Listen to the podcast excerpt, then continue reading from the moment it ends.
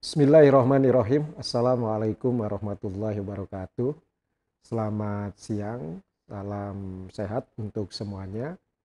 Semoga kita semua dalam kondisi baik. Selamat berjumpa kembali dengan acara kami podcast Leksi Social Justice yang diselenggarakan oleh Fakultas Hukum Universitas Islam Indonesia. Pada kesempatan ini uh, kita sudah kedatangan seorang tamu cukup jauh ini meskipun jauhnya cuma fisik tapi hatinya dekat. Beliau seorang pakar hukum dan teknologi di Fakultas Hukum Universitas uh, Bina Nusantara. Beliau adalah Dr. Bambang Pratama SH Hum. Assalamualaikum Mas Bambang. Waalaikumsalam. Selamat siang. Apa kabarnya? Alhamdulillah baik Mas Prof. iya, kayaknya makin kekar aja sekarang. Bisa aja. Sering olahraga berarti ya? Ya cukup lah. iya, saya tadi agak pangling juga. Oh, Mas Bambang sekarang makin kekar ya kan gitu. Oke, terima kasih Mas. Ini uh, waktunya sudah uh, hadir ke Fakultas Hukum UI ya. Ya.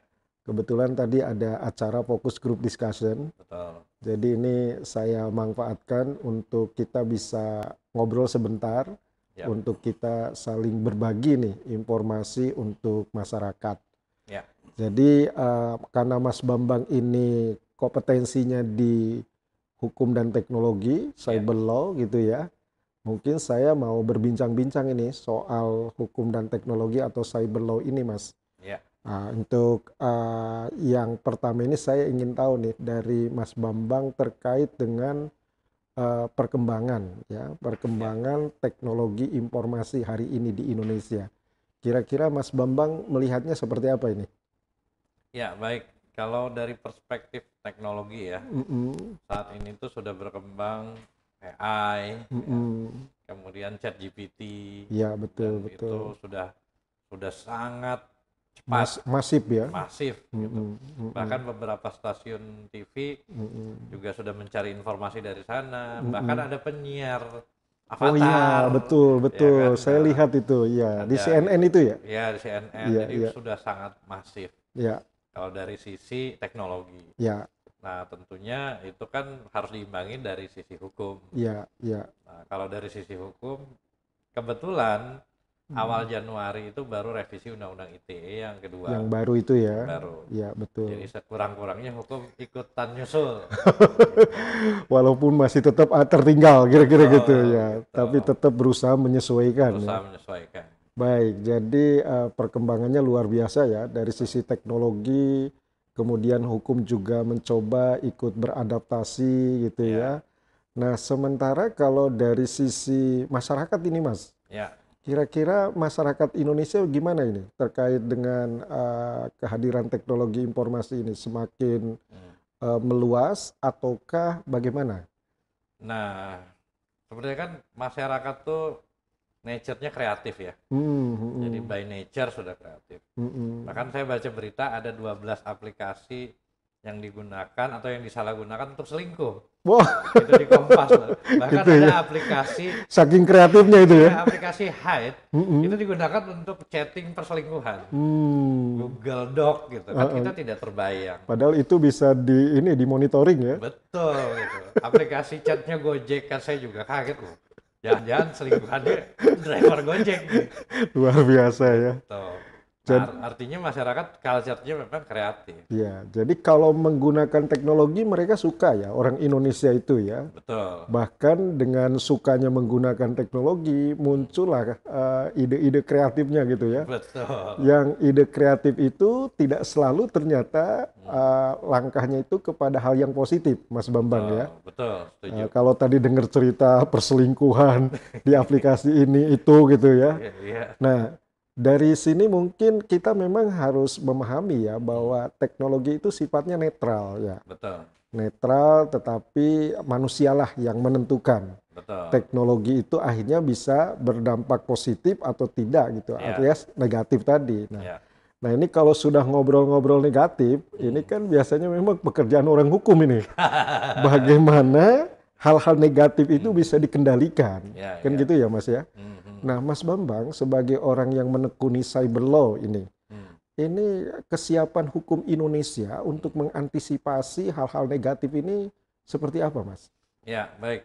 Kalau dari sisi aturan di, Mm-mm. di sistem kita, sivil law pasti tertinggal ya dengan Hmm. aturan dengan fenomena masyarakat. Mm-mm. Makanya ada bahasanya kan ada giumnya head tracking after the fact an itu Mm, bahwa hukum tertinggal akan faktanya. mm-mm. Nah, cuman bukan berarti tidak ada aturan sama sekali.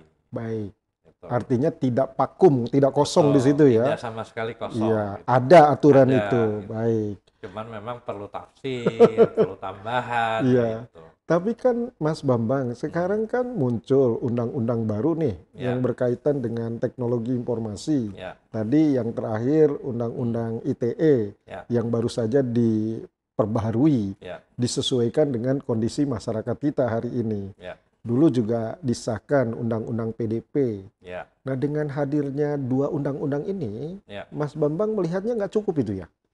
Untuk Kalau- mengantisipasi uh, dampak-dampak negatif tadi dari penggunaan teknologi informasi. Ya. Nah, sebenarnya informasi terbaru dari kondisi di luar sana, Uni Mm-mm. Eropa ya. Uni Eropa, ya, Nah, dia baru membuat eh, EU AI Act. ya, ya, ya. Nah, itu ya. 2023. Malah sudah sangat uh, maju Sudah ya. sangat maju. Mereka kita baru ngobrolin undang-undang PDP, mereka sudah Nah, undang-undang AI gitu ya. gitu. Mm-mm. Nah, kalau lihat dari definisinya AI di EU ditulis sebagai software. Hmm. Nah, artinya kalau kita meminjam konsep mereka, Mm-mm. ITE juga mengcover. Hmm. Berarti di ITE adalah sistem elektronik. sistem elektronik itulah yang dimaksud ya. Dimaksud AI Baik, gitu. ya betul ya. Gitu. Ya, ini bukan cocok logi karena memang mereka memasangkannya software kan Gitu ya, mendefinisikannya software. Iya, mendefinisikannya kan Mm-mm, gitu. mm-mm. Definisi software di undang-undang kita ya di ITE kan. Iya, iya betul. Gitu. Oke, Mm. itu udah ada. PDP kan Kontennya. kontennya. Nah, Mm-mm. sebenarnya kita kondisinya bisa mengikuti di negara seperti China. Ada satu Mm-mm. lagi yaitu keamanan cyber. Hmm. Jadi umbrella-nya adalah ITE, Ya. sub-nya keamanan cyber dan perlindungan data. data personal data protection dan cyber security itu ya. Betul. Hmm, baik, baik. Oke, kita berarti masih ada yang kurang ya Betul. soal cyber security itu ya. cyber security-nya. Mas Bambang sebagai orang yang tinggal di ibu kota, sekarang masih ibu kota kan? Masih, masih. masih. di ibu kota ini ada pergerakan nggak terkait Hmm. dengan eh, apa kebutuhan undang-undang mengenai keamanan ini dari Ya. pemerintah ada nggak atau dari NGO atau dari komunitas-komunitas masyarakat menginisiasi bahwa undang-undang ini harus segera di, Hmm. diadakan bagaimana mas? Beberapa NGO berusaha mendorong ya, karena Mm-mm. waktu itu kan sudah ada naskah akademik dan RUU-nya. Mm-mm. Cuman perkembangannya naik turun. Oh up and down gitu up ya? and down gitu. Iya. Kalau belajar dari perlindungan data itu juga dari 2010-an Lama banget. lah ya. Betul betul. Baru 2022 kan. Masih kalah sama undang-undang cipta kerja ya? Ya, Cepat sekali itu ya, satu tahun gitu ya? kalah cepat. Kalah kan? cepat ya? Kalah lama. Iya, padahal kalau lihat undang-undang yang disempurnakan tambah rumit ya. Tambah rumit kan Ah, gitu. Nah, oke. Makanya ya saya nggak tahu, tapi dorongan ada, semangatnya ada. Baik. Jadi sudah ada sebenarnya ya uh, upaya-upaya dari komunitas masyarakat dan Betul. seterusnya. Dari kalangan akademisi ada nggak mas? Nah, kalangan akademisi, Mas, Mas Bambang harus bertanggung jawab ini sebagai ahli ini. jadi ya beberapa akademisi baik dari IT ya Mm-mm. maupun dari hukum juga terlibat. Cuman Mm-mm. kan memang dorongannya itu lebih dari uh, NGO ya. Iya, iya. Gitu. Jadi lebih powerful NGO ya daripada kan gitu. akademisi ya. Mungkin Betul, akademisi karena berpikirnya sangat akademis gitu ya. betul. Jadi kadang-kadang yang non akademis nggak sampai di Nggak situ. sampai gitu, maunya akademis aja. Baik, Mas. Ini menarik ya. Jadi ternyata umbrella act-nya kalau Mas Bambang melihat undang-undang ITE lalu ditopang oleh undang-undang PDP dan Ya. undang-undang keamanan ya, uh, cyber security tadi Ya. ya. Nah, ini kita supaya agak hangat perbincangannya ini Mas Bambang. Oh, ini Ini- masih dingin ya? Masih dingin, ini masih warming up ini, masih warming up. ini sebenarnya kan yang ingin saya perbincangkan itu kan eh, akhir-akhir ini kan kita tahu ya, Hmm. ini kan lagi masa pemilu, Ya, ya toh, pemilu 2024. Nampaknya isu hoax ini kan masih menjadi isu yang eh, hangat gitu ya di masyarakat gitu ya. Ya. Meskipun kemarin kalau tidak salah Kementerian Kominfo Hmm. itu memberi informasi bahwa eh, apa jumlah hoaxnya itu menurun Ya, dan yang di take down juga sudah banyak kan gitu ya. betul. Nah, tapi persoalannya ini kan informasi saya ingin tahu dari Mas Bambang sebagai akademisi. Ya. Apakah memang seperti itu, Mas? Hoax sekarang dalam konteks pemilu? Ya, jadi kalau melihat dari tren ya, Mm-mm. tren data non proses hukum ya. Ya, ya, Jadi jumlah hoax itu memang menurun menurun ya. dari case yang Mm-mm. 2014-an. Mm-mm. Dalam konteks 2019, pemilu tadi ya? Ya, Oke. sampai 2000 eh, sekarang ya 2024. Iya. Nah, penurunan angka bisa kita lihat mungkin yang pertama masyarakat semakin mature. Oke, Kan ya gitu. makin dewasa ya. Oke. Masyarakat semakin dewasa. Berarti kalau dari sisi hukum undang-undangnya efektif Ya, ya, karena orang tidak melanggar kan. ya, ya. Mm-mm. Nah, tapi kalau dari sisi proses saya tidak bisa membaca secara detail ya karena Betul. Mm-mm. tidak tahu nih kondisi sekarang Mm-mm. berapa yang diproses hukum dibandingkan dengan Mm-mm. pemilu sebelumnya. Oke, jadi Mas Bambang masih bertanya ya. Hmm, Oke, kuantitas di Ya. masyarakat menurun, Betul. asumsinya undang-undang efektif. ya, Tapi terkait dengan hoaxnya itu sendiri, berapa Hmm. sebenarnya yang sudah diproses lewat betul, hukum kan gitu betul, ya, Betul. supaya itu bisa menjadi gambaran yang utuh gitu ya, betul. bahwa memang eh, larangan terhadap praktek hoax itu sudah dikawal, sudah dicegah oleh hukum Ya. itu sendiri lewat penegakan ya. Betul. Oke, Mas Bambang, eh, sebenarnya gimana sih membedakan hoax dengan kebebasan berpendapat itu? Ya, Karena orang kan merasa aku ini bebas, mau ngomong apa saja di media sosial itu bebas, ya. kan gitu ya. Ya. Nah, mungkin Mas Bambang bisa jelaskan itu, Mas. Hmm. Sebenarnya ini pertanyaan Mas Prof sangat filosofis.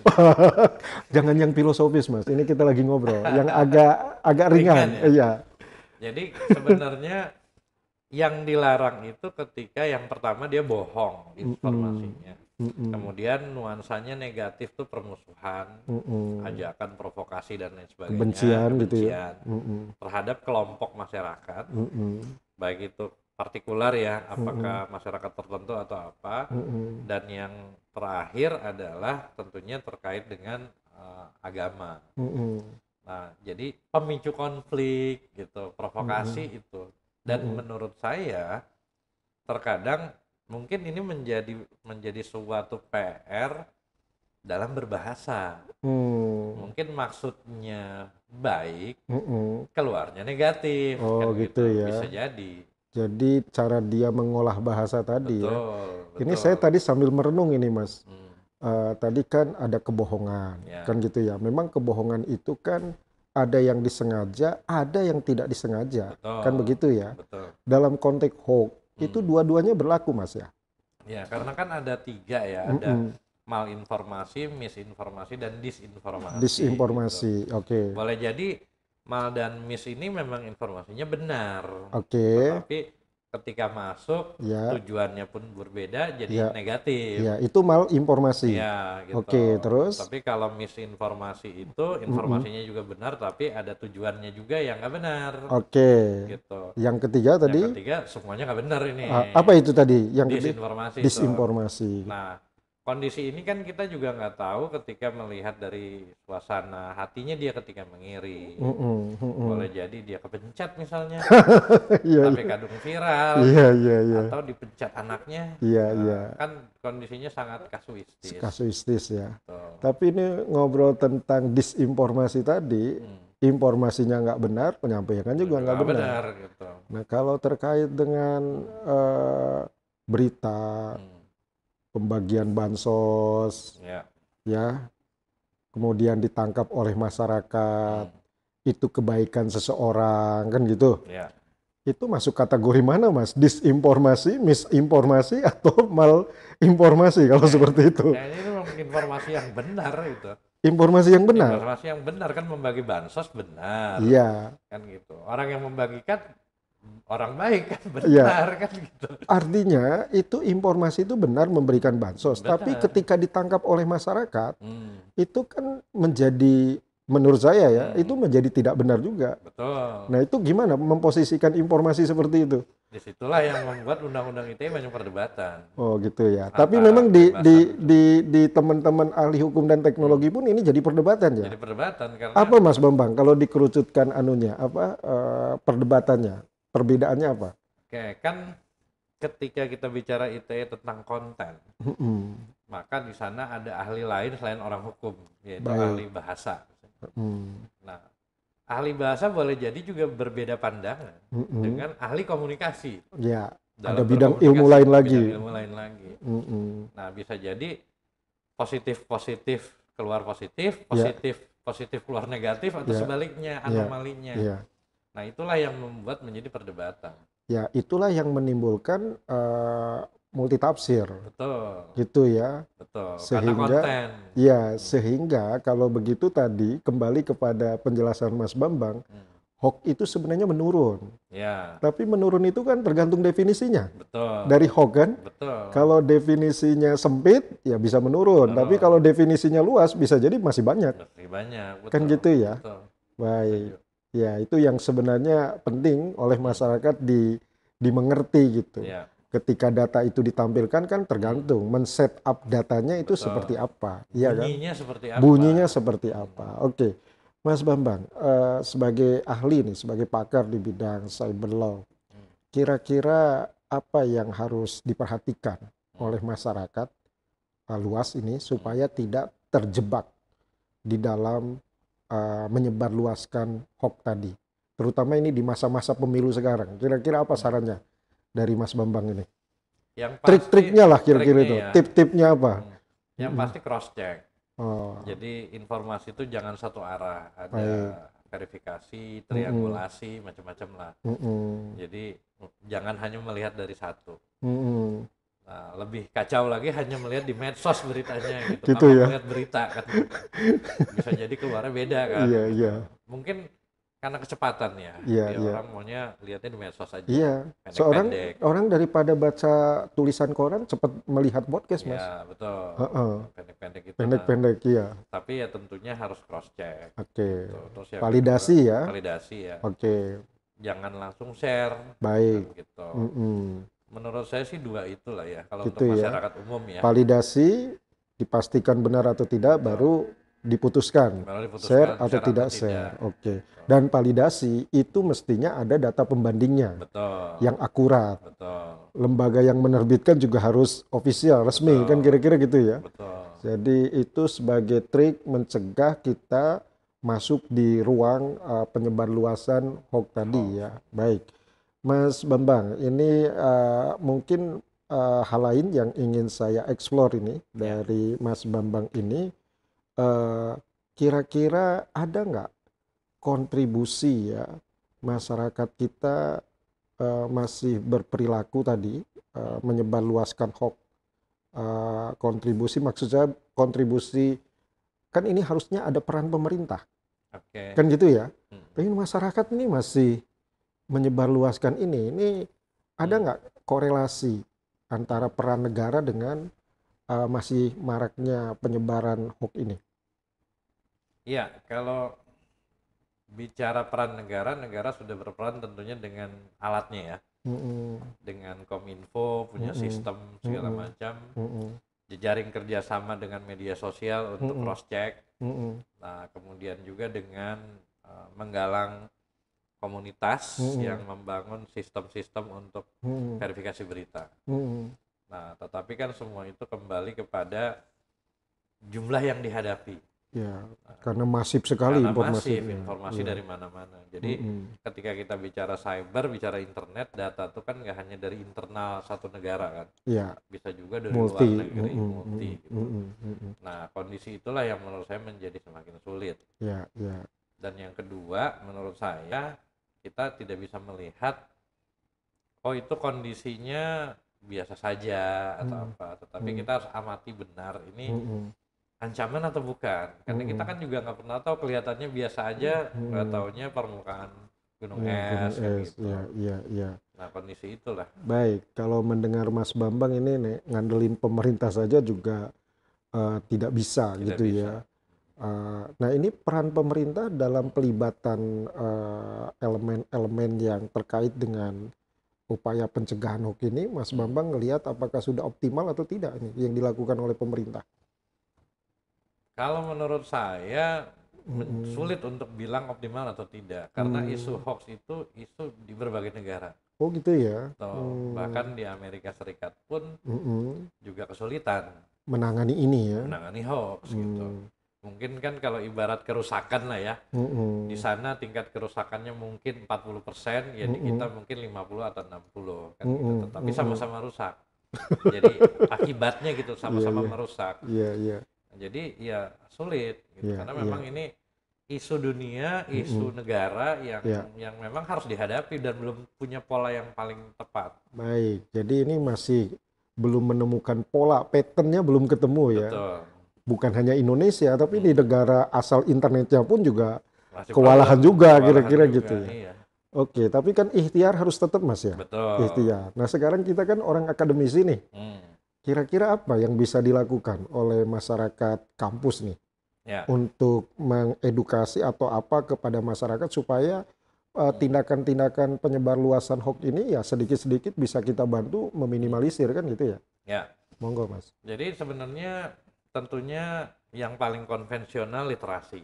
Literasi digital. literasi digitalnya. Gitu. Mulai naik lagi kan tadi adalah layeringnya verifikasi Mm-mm. gitu. Kemudian mulai naik lagi dia harusnya sudah bisa menggalang untuk Mm-mm. membuat semacam sistem di masyarakatnya Hmm. untuk tidak mentransmisikan atau apalah Mm-mm. Mm-mm. edukasi yang lainnya. Nah, Mm-mm. Mm-mm. Nah, di level itulah yang menurut saya akademisi harus memi ini kan Mm-mm. fase yang terlihat, Mm-mm. ya Mm-mm. kan? Mm-mm. Dan mungkin stagesnya Mm-mm. pelan.